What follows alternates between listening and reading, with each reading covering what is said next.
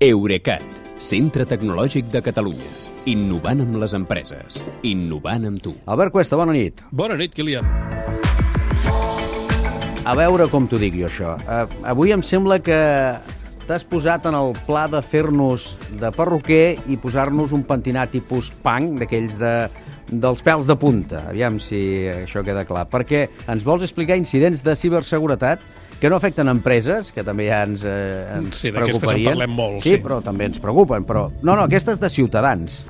Sí. I això ja ens pertoca més. En el primer que vols explicar no podria ser d'una altra manera, coneixent com van les coses i coneixent-te tu.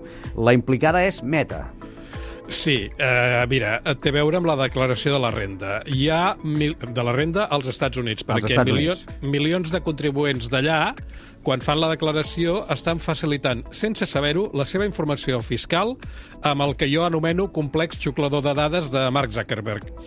Resulta que als Estats Units es presenten cada any 150 milions de declaracions per internet, però a diferència d'aquí, on l'agència tributària ens proporciona aquell esborrany, Sí. i nosaltres doncs, l'acceptem o fem modificacions o tot això, allà molta gent fa servir aplicacions i webs com Tax Act, Tax Slayer eh, o HRBlock per cal calcular i introduir els seus ingressos, les seves deduccions i altres conceptes.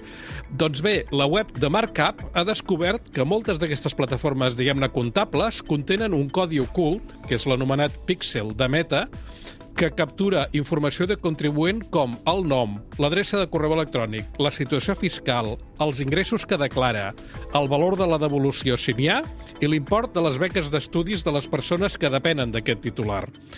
Aquest píxel de meta està present en moltes altres webs i, de fet, és el que fa possible allò de que els anuncis digitals et segueixen per les pàgines i aplicacions que vas visitant en funció de les que ja has visitat abans.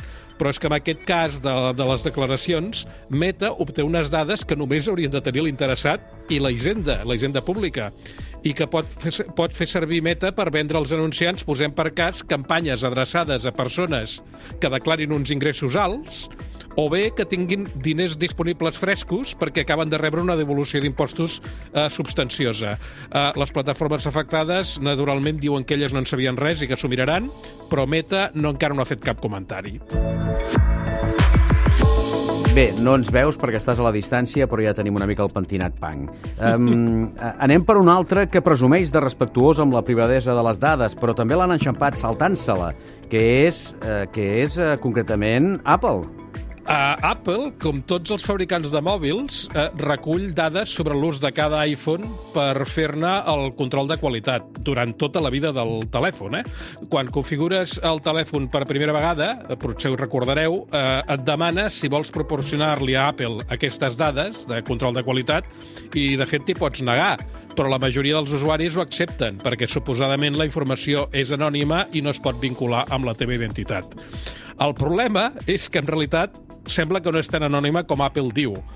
Uh, els investigadors d'una empresa de software que es diu MISC han descobert que les dades de la majoria que la majoria dels iPhones envien a Apple contenen un número permanent que es diu identificador de serveis de directori i justament aquest número coincideix amb el que fa servir el compte d'Apple de l'usuari del telèfon, de manera que Apple pot relacionar quines aplicacions tens, quanta estona les tens obertes, a qui truques o quins anuncis. Has vist, amb el teu nom complet, el teu número de telèfon, la teva data de naixement i la teva adreça de correu electrònic, que són les dades que tu proporciones per donar-te d'alta els serveis d'Apple com iCloud o la, la botiga App Store. Uh, per ser justos amb Apple, uh, és possible que quan reben les dades aquestes dels iPhones n'esborrin el número d'identificació abans de processar-les. Però no ho sabem perquè l'empresa no s'ha manifestat. Però no sé si recordes una tanca publicitària que va penjar Apple a Las Vegas assegurant allò de que el que passa en el teu iPhone es queda en el teu iPhone? I tant. Doncs uh, aquesta tanca publicitària ara no semblaria tan creïble.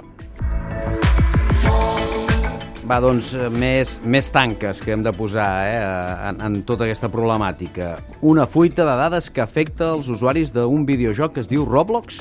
Sí, Roblox eh, és una plataforma de videojocs en xarxa eh, on els usuaris poden crear els seus propis mons virtuals. Uh, poca broma perquè té 200 milions de jugadors cada mes i molts d'ells tenen edats entre 8 i 13 anys. Doncs bé, 200.000 d'aquests jugadors de Roblox, o sigui, un de cada miler, tenen instal·lada al navegador web, sense saber-ho, una extensió maliciosa que suposadament serveix per trobar altres jugadors i, i fer partides amb ells, però mentrestant també els roba les credencials d'accés i les envia als ciberdelinqüents. I amb aquestes credencials eh, no només poden suplantar-te amb les partides del joc, sinó que també et poden robar els béns virtuals, allò, els personatges, els accessoris, els equipaments, que has anat comprant amb, amb diners, que aquests no són gens virtuals, són béns reals. Doncs no ho diré perquè semblarem derrotistes, però seria per donar-se de baixa de tot, apagar-ho tot, llançar el mòbil al foc i acabar-ho, eh, una mica? No et diré que no. Bé, no ho farem, demà continuarem.